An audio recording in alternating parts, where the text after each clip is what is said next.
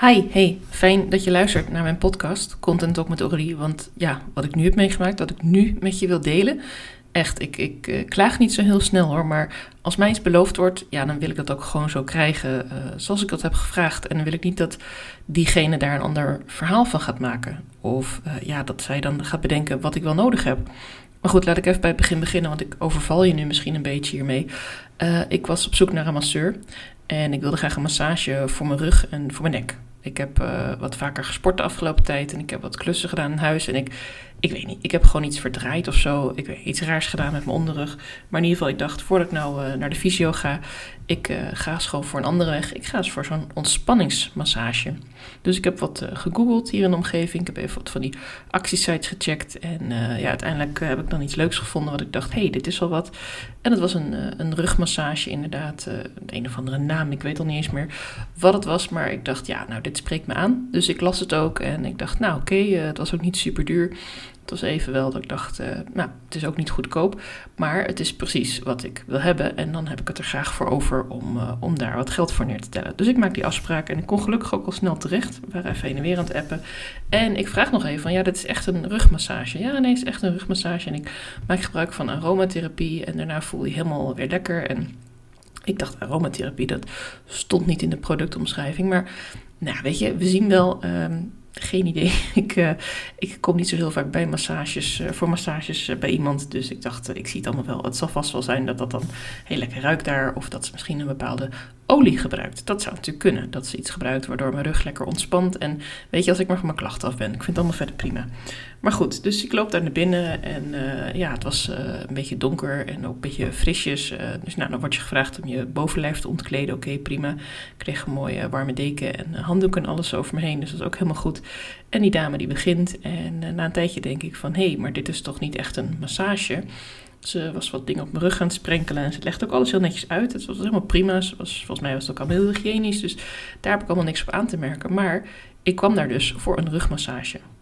Ik kwam daar dus omdat ik ja, spierpijn in mijn rug heb, spierpijn in mijn nek heb. En daar heeft ze eigenlijk niet meer naar gevraagd. Ik dacht, daar hebben we wat contact gehad via de app. Maar ze zal toch wel even willen weten ja, waar ik precies last van heb. Ik bedoel, ik snap dat dit een soort pakketje is wat ik heb afgenomen. Maar het gaat toch nog steeds over mij. Ik bedoel, ik ben toch haar klant. Dus ja, ik was een beetje in de war hierdoor. En ik dacht echt van ja, wat moet ik hier nou mee? Uh, nou, maar blijven liggen. ik had niet zo heel veel keus. Ik werd een beetje ja, gekriebeld. En af en toe was er wel echt een, een goede veeg. En dat ik dacht, oké, ja, dit is wel wat ik me kan herinneren wat een goede massage is. Ik heb een paar jaar geleden wel eens, ben ik ook wel eens gemasseerd. En ik dacht, ja, dit, dit voelt inderdaad wel als iemand die weet wat ze aan het doen is. Alleen vervolgens ging ze kaarsjes branden eromheen met allemaal geuren. En uh, ging ze iets van een, met een steen uh, over mijn rug heen en weer. En daarna ging ze weer allemaal met speciale olie. En het was vooral heel veel ja, invrijven van die oliën. En het was niet echt masseren. En ja, ik weet niet, maar als ik iemand boek voor een rugmassage, dan verwacht ik eigenlijk dat ze gewoon de ellebogen er ongeveer inzet. Of in ieder geval dan de vuisten. Want ja, dit, dit was gewoon eigenlijk meer gewoon ja, ik wil niet zeggen sensueel teder, want dat was het ook weer niet. Maar het was wel een beetje apart. En uh, ja, ik weet niet. Ik was toch niet helemaal tevreden en ik twijfelde toch heel erg aan. Dus ik wil dat even met jou bespreken in deze podcast. Van ja, is dat nou, klopt dat nou als je zegt ik wil een, een echte, ja, bijna medische massage? Misschien had ik ook niet bij deze mevrouw moeten zijn. Misschien sloot het aanbod niet aan. Maar ja, wat ik las in haar productomschrijving was dat ze me een massage ging geven. En niet een, een soort uh, uh, invrijven van oliën of zo, wat het uiteindelijk bleek te zijn. Dus nou, aan het einde heb ik dan toch maar even stout schoenen aangestrokken. ik was weer helemaal aangekleed. Ik heb toch even gevraagd wat nou de bedoeling was. En toen gaf ze dus aan, ja, dit is een nieuw product wat ik aan het testen ben, een nieuw aanbod. En ik wilde gewoon weten of mensen hier ook mee geholpen zijn. En toen heb ik tegen gezegd, ja, dat is hartstikke leuk dat je dat wilt testen. Maar had dat even aan me gevraagd eerst. Want ik kom hier voor een massage. Dat is mijn, mijn verzoek, daar betaal ik voor. En uiteindelijk heb ik die dan nu niet gekregen. En zei ze, oh, dat vind ik wel heel erg jammer uh, dat dat zo is gelopen. En nou, uiteindelijk hebben we dan, een, omdat ik wel gewoon die uh, behandeling van haar heb gehad, heb ik uiteindelijk een aanbod gekregen om voor een lagere prijs terug te komen voor een massage. Nou, die heb ik dan van de week en ik geloof ook absoluut dat dat goed is, want ze is ook gewoon een gediplomeerd masseur. Maar ja, ik baalde er wel van dat zij dus een heel ander idee had bij het aanbod door me eigenlijk iets te verkopen wat ik niet wilde. En ja, we hebben het er dan over gehad en ik heb het uit durven spreken en ik heb het ook met haar verder op kunnen lossen nu.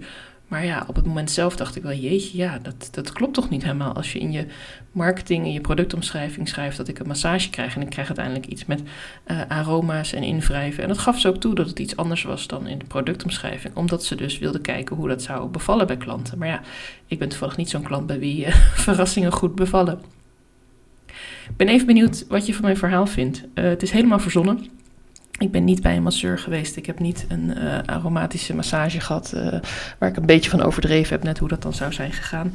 Uh, ik heb wel eens massages gehad, dus ik weet ook wel een beetje hoe dat in gang gaat. Maar ik wilde je gewoon eens even meenemen in een verhaal van iemand die een een bepaalde idee heeft, een bepaalde wens heeft bij een product wat ze koopt of een aanbod, maar dat dan eigenlijk niet krijgt. Om wat voor reden ook. In dit geval was het dan dat een masseuse had besloten dat ze iets nieuws wilde uitproberen en dat ze dat met een speciaal aanbod wilde doen. Maar het zou natuurlijk ook kunnen zijn dat jij denkt, ja, maar mijn klant heeft helemaal niet nodig wat ze nu heeft besteld bij mij. ze heeft iets heel anders nodig. En dat kan. Ik bedoel, er zijn heel veel gouden regels in coachingklanten begrepen van uh, sell them what they want, give them what they need. Dat snap ik. Maar dan nog steeds uh, is diegene wel uh, daarbij betrokken. En kun je diegene daar ook in meenemen, kun je diegene dat ook vertellen. En in dit geval, in mijn voorbeeld, wat compleet verzonnen is, er is geen masseur die zo te werk gaat. Tenminste, niet dat ik weet, je weet het natuurlijk nooit. maar Normaal gesproken zou je dus ook iets verkopen uh, wat jij dan ook uh, wil aanbieden, wat jij, waar jij expert in bent, waar je heel goed in bent, waarmee jij iemand kunt helpen. Welke wensen vervul jij dan? Vervul je dan je eigen wensen, omdat jij vindt dat iemand een bepaald patroon moet volgen, misschien een andere leefstijl moet aangemeten worden, misschien een bepaalde documentatie nodig heeft.